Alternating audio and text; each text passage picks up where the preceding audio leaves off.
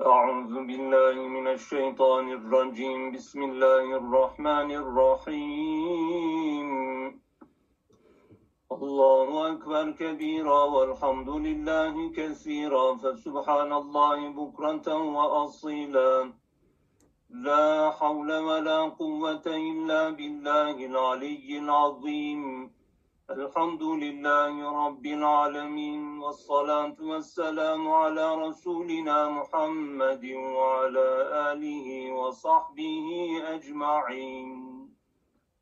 اللهم فعافنا في الدنيا من البلاء والوباء ومكر الأعداء وتجاوز شياطين الإنس والجن. وأجرنا في الآخرة من النار ومن السلاسل والأغلال. اللهم لا تقنطنا من رحمتك ولا تبعدنا من كنفك وكلنا أنيسا. يا قديم الإحسان يا عظيم البرهان يا ولي الغفران افعل بنا ما يليق بكمالك واعصمنا من كل بلية وآفة وفتنة ومحنة. وارحمنا ولا تعذبنا وانصرنا ولا تخذلنا واستر عيوبنا ولا تفتحنا في الدنيا والآخرة. يا رحيم يا رحمن يا حنان يا منان. يا ذا الجلال والإكرام. اللهم إنا نسألك اللطف في القضاء وعيش السعداء والنصر والظفر على الأعداء. واجعل لنا من كل هم وغم في أقرب زمان فرجا ومخرجا. وأسبل علينا سرادقات حفظك ورعايتك ولا تول علينا أعداءنا وأعداءك واشغل أعداءنا بالبلاء والهموم وانصرنا وانصر الإسلام والمسلمين واخذل من يريد خذلاننا وخذلان المسلمين اللهم اجمع شملنا نحن أمة محمد صلى الله عليه وسلم. لا سيما شمل إخواني وأخواتي وأصدقائي وصدائقي وأحبابي وأحبائي في كل أنحاء العالم وفي كل نواحي الحياة وفي خدمة الإيمان والإسلام والقرآن. اللهم اجمع شملنا. اللهم ألف بيننا. اللهم أيدنا بروح من عندك. اللهم وفقنا لما تحب وترضى. وصلى الله على سيدنا محمد وعلى آله وصحبه أجمعين. يا أرحم الراحمين. يا ذا الجلال والإكرام. بسم الله الرحمن الرحيم. يا أيها الذين آمنوا اتقوا الله وابتغوا إليه الوسيلة وجاهدوا وجاهدوا في سبيله لعلكم تفلحون Maide suresi 35. ayet. Ey iman edenler! Allah'ın hukukunu gözetin, onun hukukunu ihlal etmekten sakının. Ona yaklaşmaya vesile arayın ve onun yolunda mücadele edin ki korktuğunuzdan kurtulup umduğunuza kavuşasınız. Bir önceki iki ayette şer'i hadlerden yani cezalardan bahsetti. Adam öldürme, gasp, hem gasp hem adam öldürme ve yaralama bir de terör. Bu dört tane suçun cezalarının ne olduğunu, ne olacağını anlattıktan sonra şimdi siz böyle cezayı gerektiren, cezayı mucip şeylerden sakının, kaçının da Allah'tan geldiniz, Allah'a döneceksiniz. Allah'a manen yaklaşma yollarına tasaddi edin, tevessül edin manasında o menfiliklerden müsbete, bir kısım şerlerden hayra davet etmek için nazmi bağlantı olarak ve daha sonra işte Cenab-ı Hak bütün müminlere hitaben bu ayeti kerimeyi inzal buyurmuş ve dikkatimizi çekmiştir.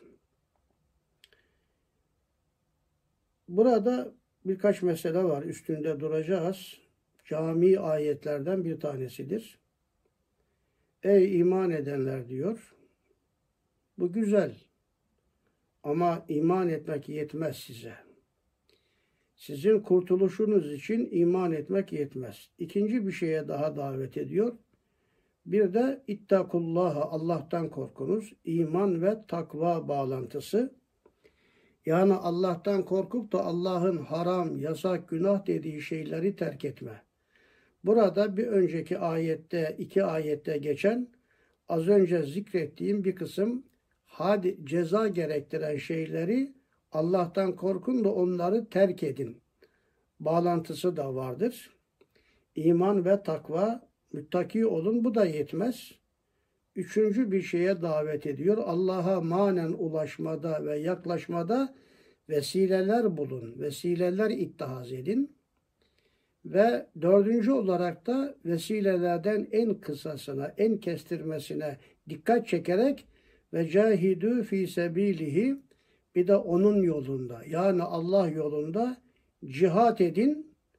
Bu dört hususu cem eder, merc ederseniz leallekum tuflihun işte o zaman kurtuluşa erenlerden olursunuz.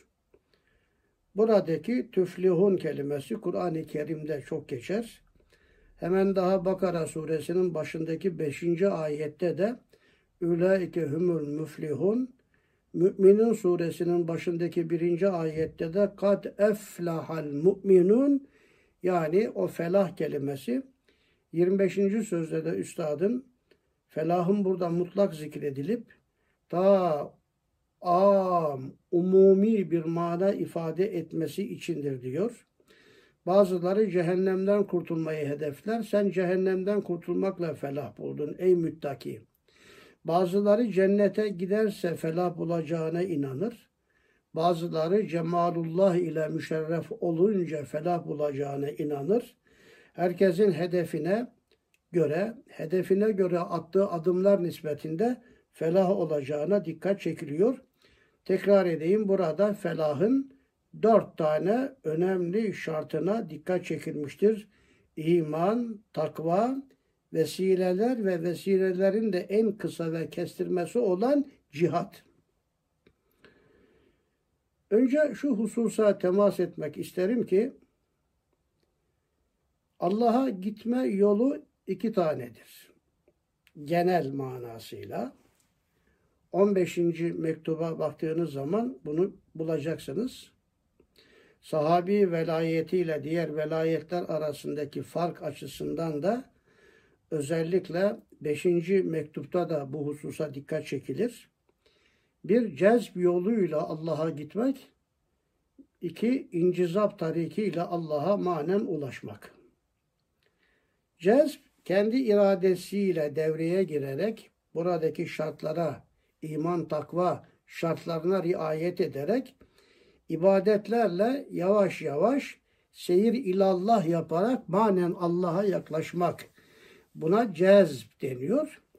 İncizap ise merkezin güçlü çekimiyle uzaktakilerinin bir anda merkeze yaklaşıvermesi, mıknatısın uzaktaki eşyayı bir anda çekmesi gibi.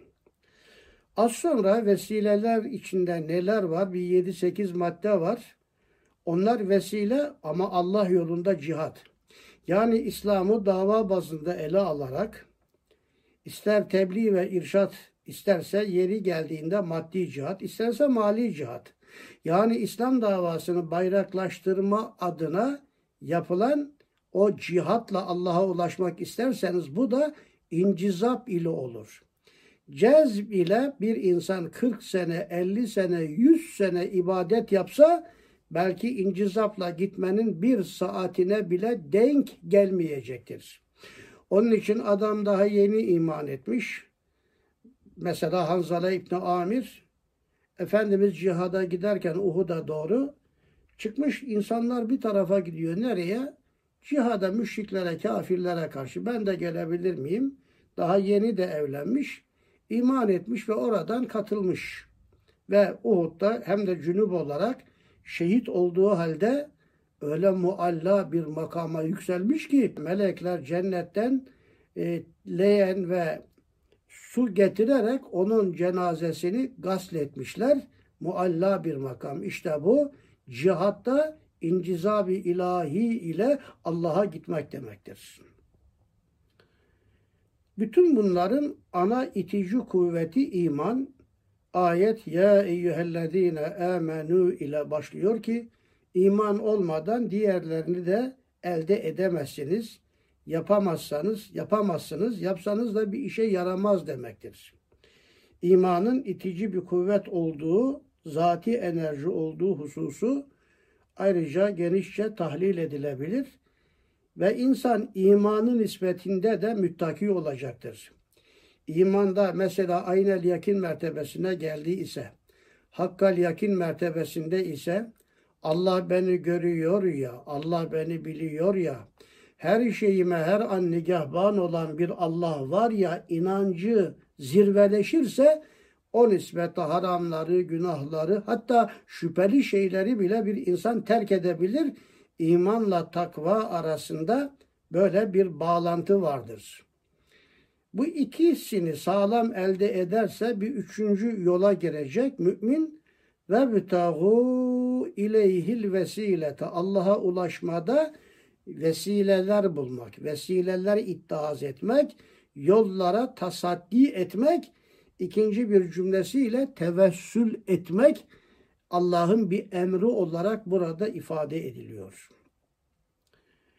Umum Kur'an'a baktığımız zaman Allah'a ulaşmada vesileler bir, Allah'ın zatını zatına ulaşmada vesile ittihaz etmek. Ellerimizi Allah'a kaldırdığımız zaman dua ederken de ey Allah'ım ismi zatın hürmetine demek. Zatını zatına vesile olarak ifade etmek bu ayette sabit. Kulidullah Allah diyerek dua et. Allah'ın ismi zatını, hassını, lafzetullahı ismi celalini Allah'a duada ve ulaşmada vesile et demek. İkinci olarak ismi azamlar. Efendimiz Aleyhisselam kim ismi azamı okur da vesile kılar dua ederse duası reddedilmez buyuruluyor. Az önceki okuduğum ayetin devamında Kulidullah evidur rahman Allah'ın Rahman ismini ismi azam saymışlar. Rahman diyerek Allah'a müracaat edin. Münacaatta bulunun ve vesile olsun bu. Üçüncüsü Esma-i Hüsna. Yine aynı ayetin devamında Kulidullah evidur Rahman eyyemme ted'u felehul esma'ul husna fed'uhu biha. İster Allah diyerek dua edin, ister Rahman diyerek bunları aktardım. İsterse Esma-i Hüsna'dan hangisini okursanız okuyun, hepsini okuyun. Onları vesile ittihaz ederek Allah'a dua dua yalvarın ayeti kerimesi. Bunları daha genişçe şerh edebiliriz. Onun için büyük zatların münacatlarında El Kulubut Tari'ada büyük üstadların bütün münacatları var. Başta Efendimiz Aleyhisselam olarak bizler de namazdan sonra Cenab-ı Hakk'ın esmasını uzunca sayıyoruz. Ya Cemil ya Allah veya Subhaneke ya Allah Tealeyte ya Rahman ecirne minen nar diyerek Allah'ım bizi ateşten koru demek son duası. Cenab-ı Hakk'ın iki ismini zikrediyor. Allah'ım bizi ateşten koru. 44 tane böyle cümle var. 88 esmayı zikrederek sürekli olarak ateşten korunmamızı Allah'tan istiyoruz. O isimleri vesile yaptıktan sonra onun için Esma-i Hüsna'yı okuyarak sonra Allah'a dua etmek duanın dualarımızın kabulüne vesile olacak şartları içinde çok önemli. Üstad aynı zamanda müminin duasının kabul olma şartlarını sayarken 23. mektupta bu hususlara da ayrıca dikkat çekiyor. Allah'a ulaşmadaki iddiaz edeceğimiz vesilelerden bir tanesi de muhakkak ki Efendimiz Aleyhisselatü Vesselam'dır. Burada bir inceliğe temas etmek isterim ki Efendimizin hem ismi hem bizim için onun dua etmesi Allah'a ulaşmada vesile hem de Efendimizin bizzat kendisi de vesiledir. Bu mevzuda Üstad Bediüzzaman Hazretlerinden naklettiği 19. mektubun 13. işaretinin 3. misali olarak Osman İbni Huneyf'ten bir Osman İbni Huneyf bize bir vakayı anlatıyor. Osman İbni Huneyf diyor ki Resul-i Ekrem Aleyhisselatü Vesselam'a bir ama geldi. Dedi ya Resulallah benim gözlerimin açılması için bana dua eder misiniz? Dua et dedi, istedi, talep etti. Efendimiz Aleyhisselatü Vesselam ona git dedi, abdest al. Sonra iki rekat namaz kıl, hacet namazı ve şöyle dua et. Allah'ım şüphesiz ben senden isterim. Rahmet peygamberi olan Hazreti Muhammed'i Aleyhisselam'ı vesile edinerek sana yöneliyorum. Ya Muhammed benim gözlerimin açılması için seni vesile ederek Rabbime yöneliyorum. Allah'ım onu benim hakkımda şefaatçi eyle diyerek dua yaptı adam. Ve adamın sonra gelince Efendimiz Aleyhisselam'ın yanına gözü açılmış, güzel görüyormuş, gördük diyerek bir vak'a Efendimiz Aleyhisselam'ın gözü önünde cereyan eden, yönlendirmesiyle cereyan eden. Efendimiz Aleyhisselam'ın vesilesiyle onun yüzü suyu hürmetine gözümüzü aç dedi adam. Bir Efendimiz de vesiledir dördüncü olarak. Onun için dua yaparken salatü selam getirirsek, salatü selamları vesile kılar. Duanın arkasında da salatü selamlar yaparsak, her salatü selam duası makbuldür.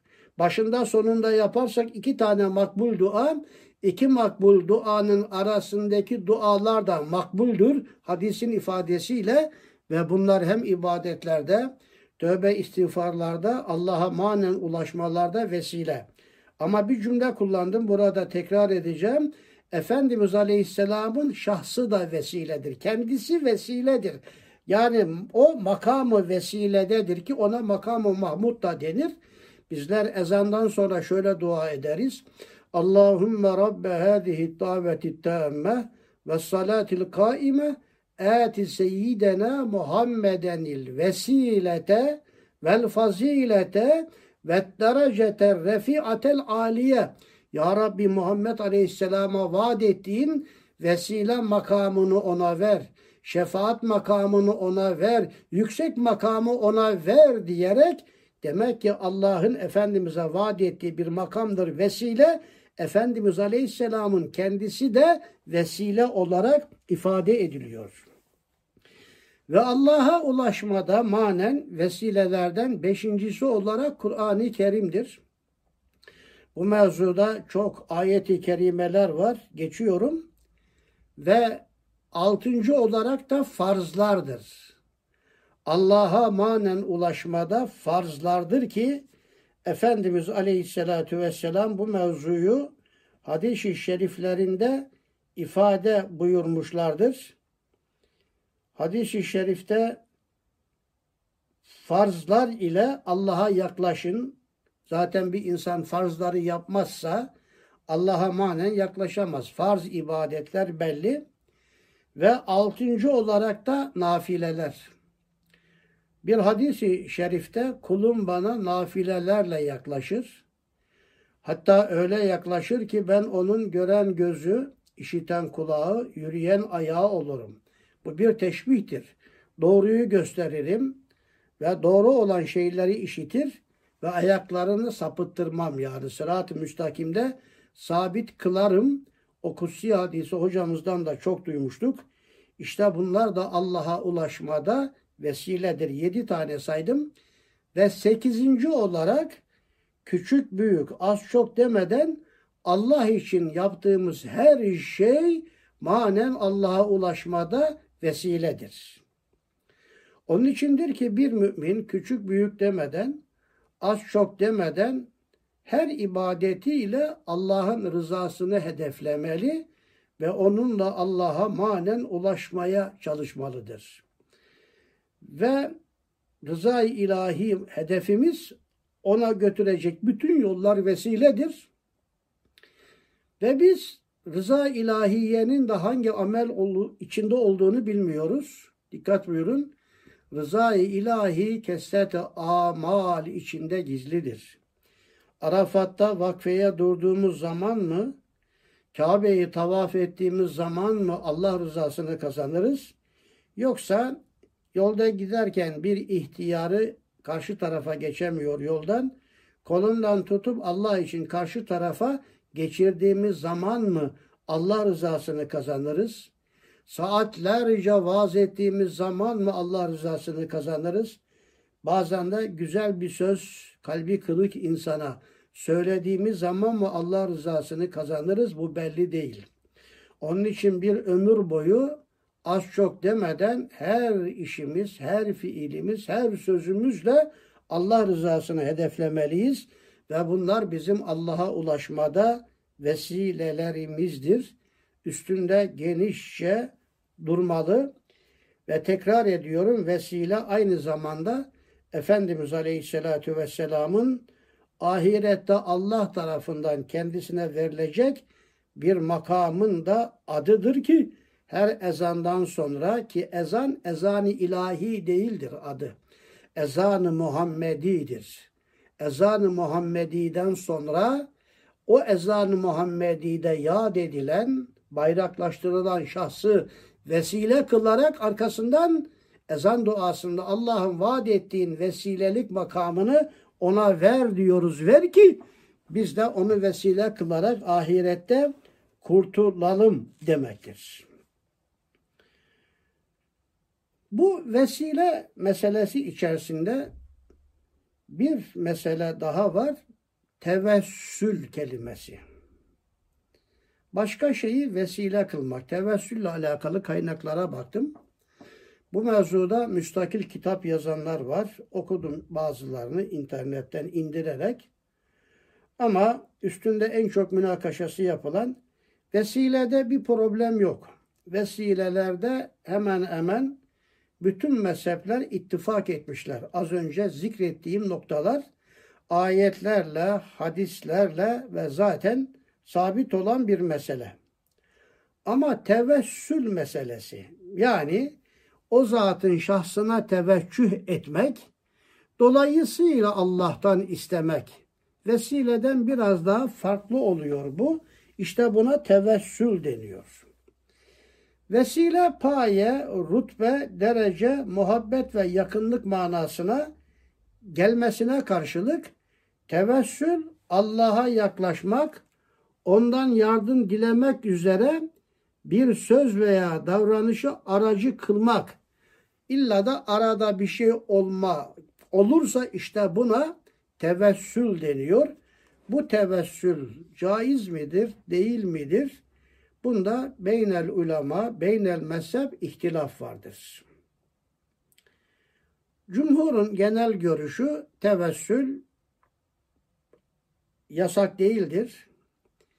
Meşrudur, ihtilafsız meşrudur. Cumhurun kanaatı özellikle az önce zikrettiğim şeyleri vesile kılarak tevessül etmek ama bazıları tevessülü kendi içinde şıklara taksim etmişler. Bazı şıkları caizdir, bazıları caiz değildir demişler. Mesela Allah'ın zat, sıfat ve esmasını Allah'a vesile kılmak tevessülde bu caizdir. Efendimiz Aleyhisselam'ı veliler hayatta iken Büyük zatlar hayatta iken vesile kılmak ona da caiz demişler. Bir de iyi amellerimizi Allah'a vesile kılmak, rızasını kazanmada buna da caiz demişler. Bunda da ittifak var. Ama mesela hayatta olan salih insanların Allah katında mevki ve mertebeleriyle tevessül etmek. Bunda ihtilaf olmuş. Özellikle vefat etmişse. Vefat eden peygamber de olsa, vefat eden veli de alim de olsa o vefat ettikten sonra ruhu ile veya Allah nazarındaki değeri ile onu aracı kılarak Allah'tan istemek caiz mi değil mi? İşte bu meselelerde bir hayli münakaşa olmuştur. Evet rahatlıkla söyleyebilir ki saydığım üç mesele ama onun içinde Allah'ın zat sıfat esması üç tane oluyor.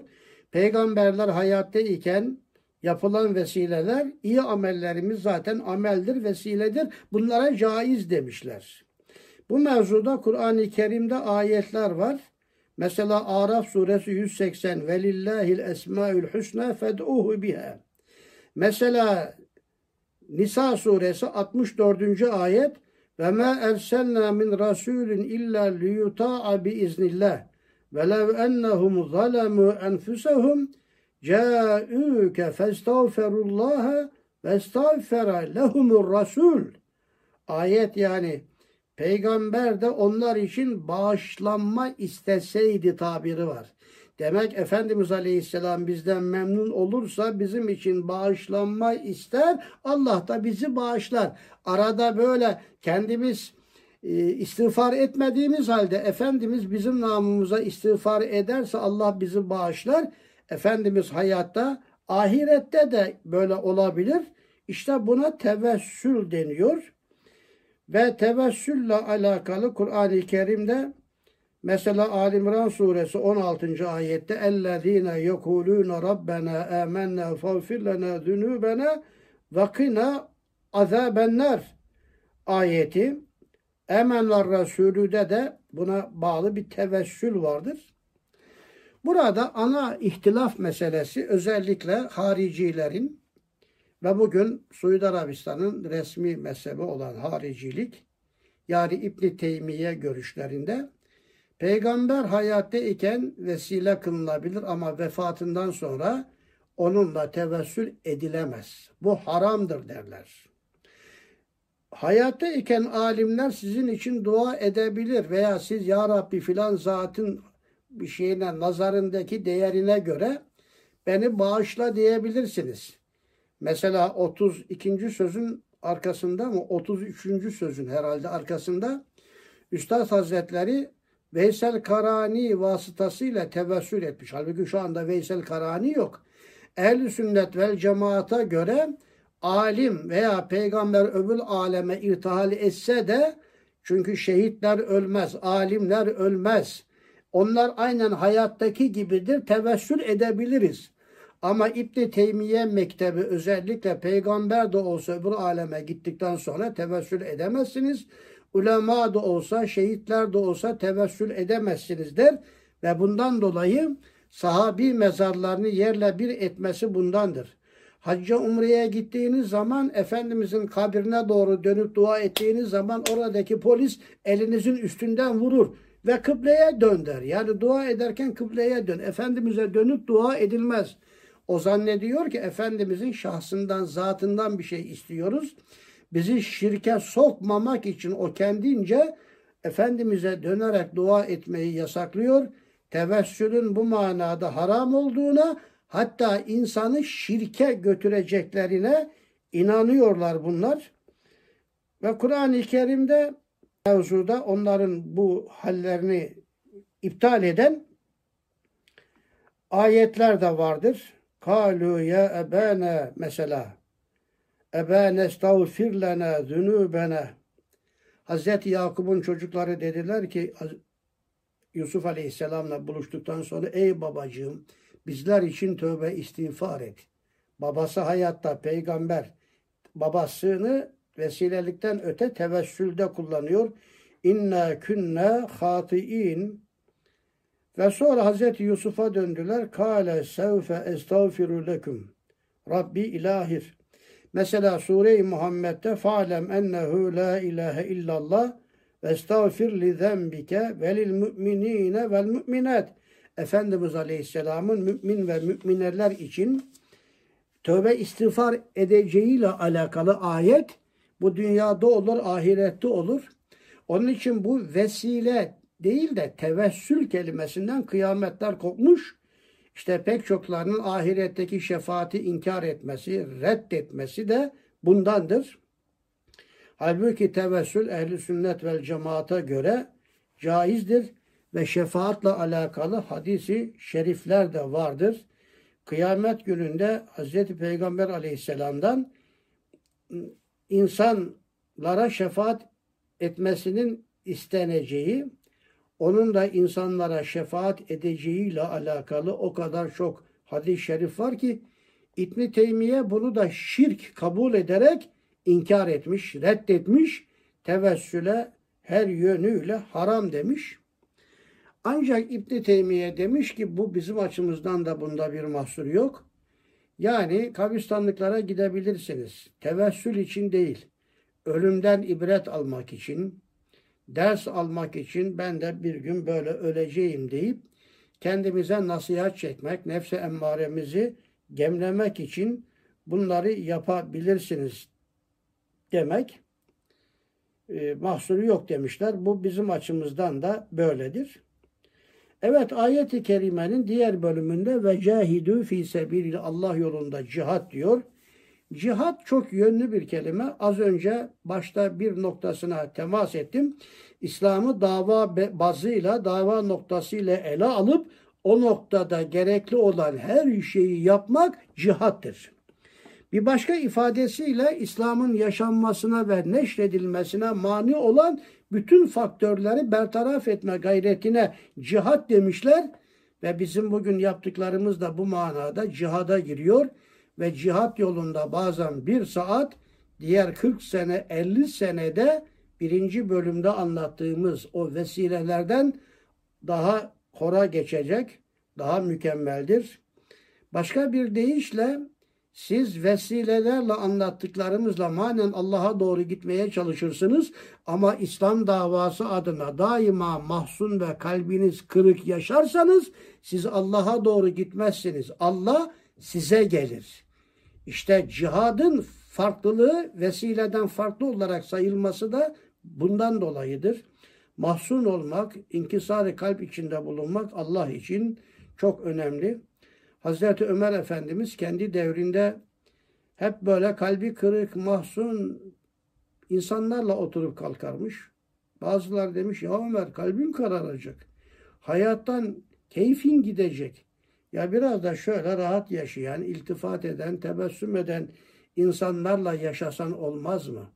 Olmaz demiş. Olmaz. Siz duymadınız mı? Kusi hadisinde Cenab-ı Hak ene inde munkesireti kulubuhum buyuruyor. Ben kalbi kırıklarla beraberim. Allah kalbi kırıklarla beraberse siz Ömer'in kimlerle beraber olmasını yeğlerdiniz ki diyor. Biz de bugün kalbi kırıklarla beraberiz. Hastaların kalbi kırıktır. Zindanda yatanların kalbi kırıktır.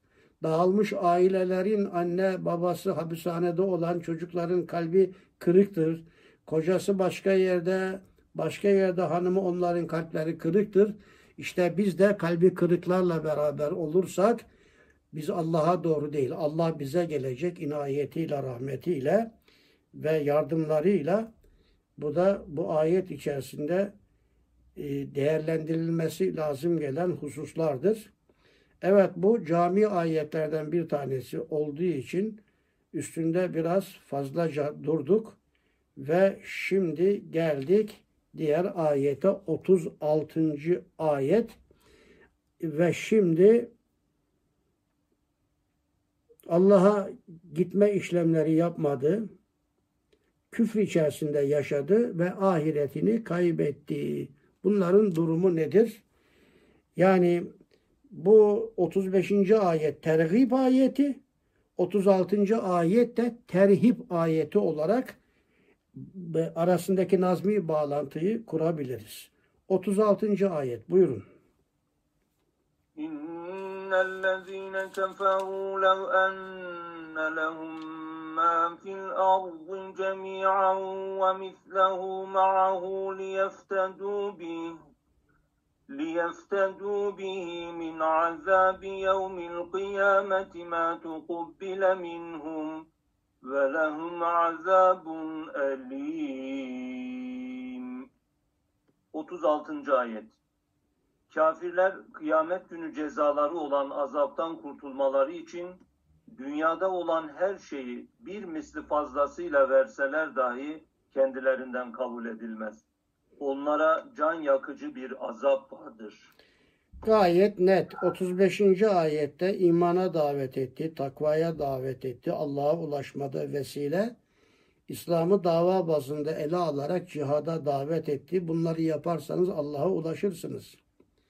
İnsanlardan önemli bir kısmı böyle yaptı.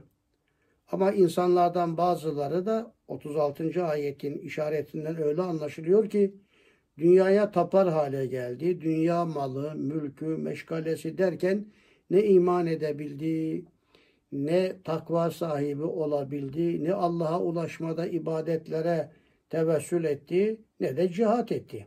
Bütün bunlardan mahrum kafir. Dünyayı kazanmak için habire dünyanın arkasından koştu da koştu. Pekala bu dünyadaki koşması ahirette onu kurtaracak mı? İşte ayette buna dikkat çekiyor.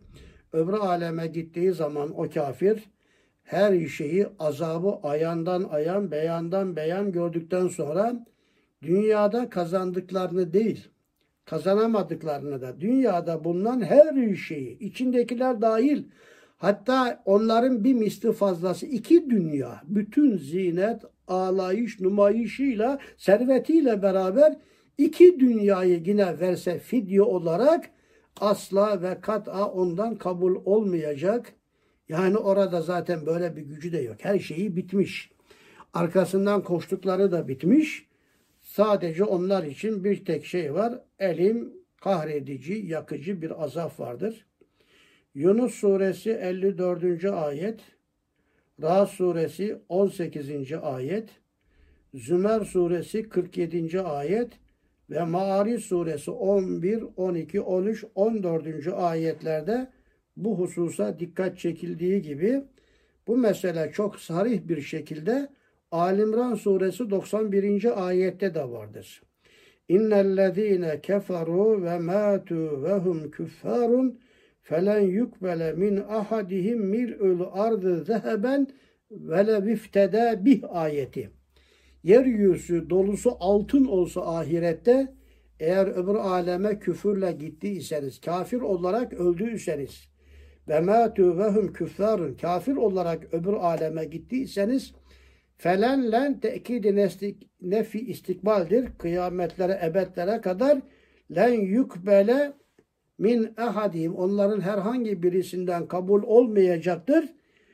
Mil'ül ardı yeryüzü dolusu zeheben altın ve viftede bir Allah yolunda fidye olarak ahirette verseler bile bu meseleyi çok daha net anlamak için anlatılan bir meseledir. Yoksa hiç kimsenin ahirette ne dünya dolusu altını olacak ne de iki misli dünyası olacak. Yani imansız gitti ise artık öbür alemde onun için bir kurtuluş yok.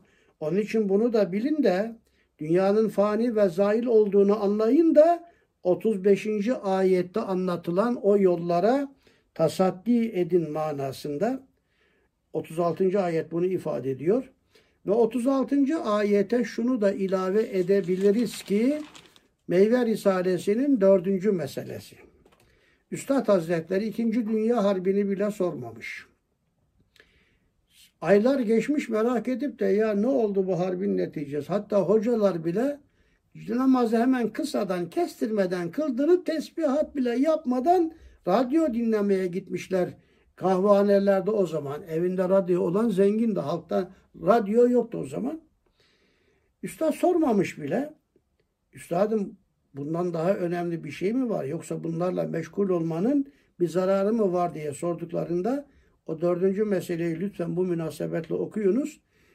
Evet, Üstad Hazretleri bundan daha önemli bir mesele var demiş. İkinci Dünya Harbi'nden, dünya harplerinden daha önemli bir mesele var ki bir kişinin ahirete imanlı veya imansız gitmesi meselesidir.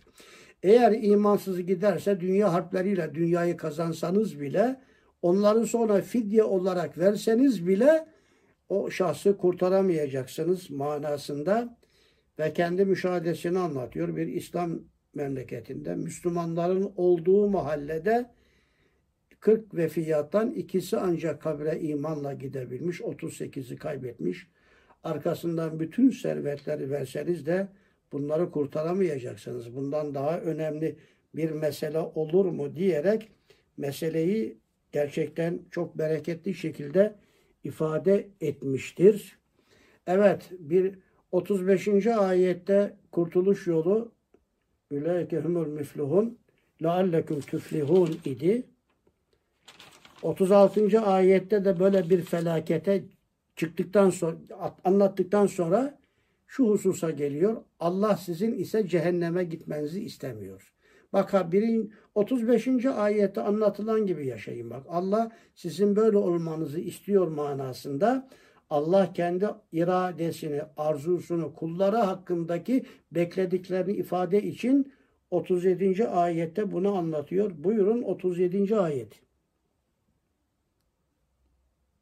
يريدون أن يخرجوا من النار وما هم بخارجين منها ولهم عذاب مقيم 37. ayet onlar ateşten çıkmak isterler ama oradan çıkacak değiller. Onlara devamlı bir azap vardır. Evet 36. ayette geçen kafir olarak öbür aleme gitmiş ve kaybetmiş insan fidye de verse ki bu mümkün değil. Dünya servetini iki misli verse bu da mümkün değil. Keşke olsa versem diyecek. Çıkmak isteyecek cehennemden ama artık onlara devamlı bir azap vardır. Ayet-i kerime çok önemli bir hususa temas ediyor. Bu mevzuda tefsirlere baktım. Kafirlerin cehennemde ebedi kalacaklarının kat'i olduğu hususuna dikkat çekiyor. Tabii ki onlar cehennemde iken cehennemden çıkmak isteyeceklerdir. Burada bir incelik var. O ölmüş kafir olarak ölmüş insanların ruhları da o kafirlerle beraber olacak.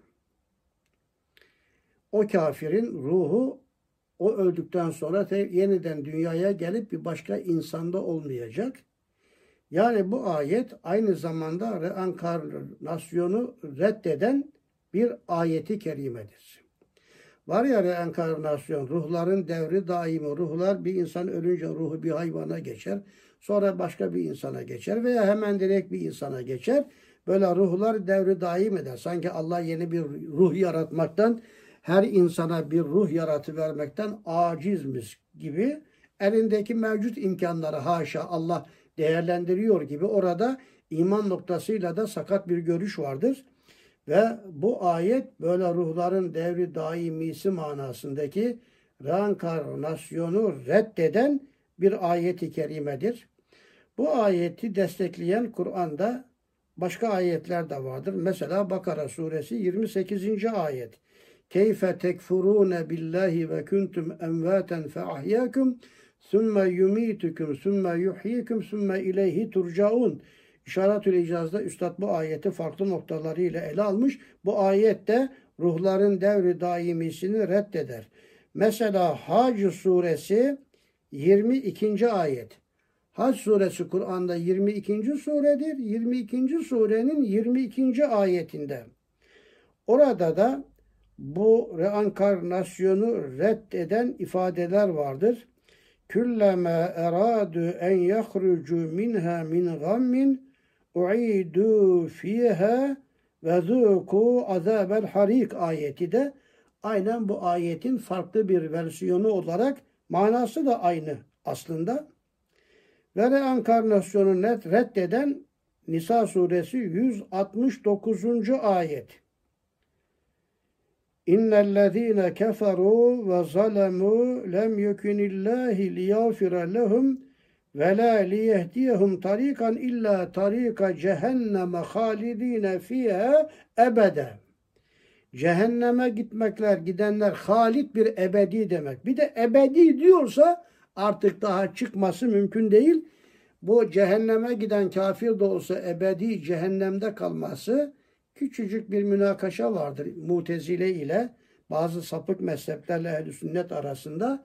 Bunu da bu şekilde bilmekte fayda vardır. Bir de Ahzab suresi 65. ayette İnna Allahe la'nel kafirine ve e'adde lehum sa'ira halidine fiha ebede Bunları ben reenkarnasyon aleyhinde yani ruhların devri daimisi de olamayacağına dair de getirmiş oldum. Ama ayetin manası çok sarih. Dünyada gönlünce, şehvetince yaşayan kafir öbür alemde bu kadar dünya kadar fidyeler de altınlar da verse o cehennemden kurtulamayacak. İsteyecek ama ama Allah dünyada onun o cehenneme gitmesini istememişti. O kafir de cehenneme gidince isteyecek, yalvaracak ama fakat kafir olarak gittiğinden velahum azabim mukim zaten buradaki mukim kelimesi de sürekli demektir. Yani başka yerde velahum azabun nar veya azabun elim geçiyor. Burada mukim sürekli o cehennemde kalacaktır. İkamet edecek orada yani demektir. Bunlara temas etmiş olduk.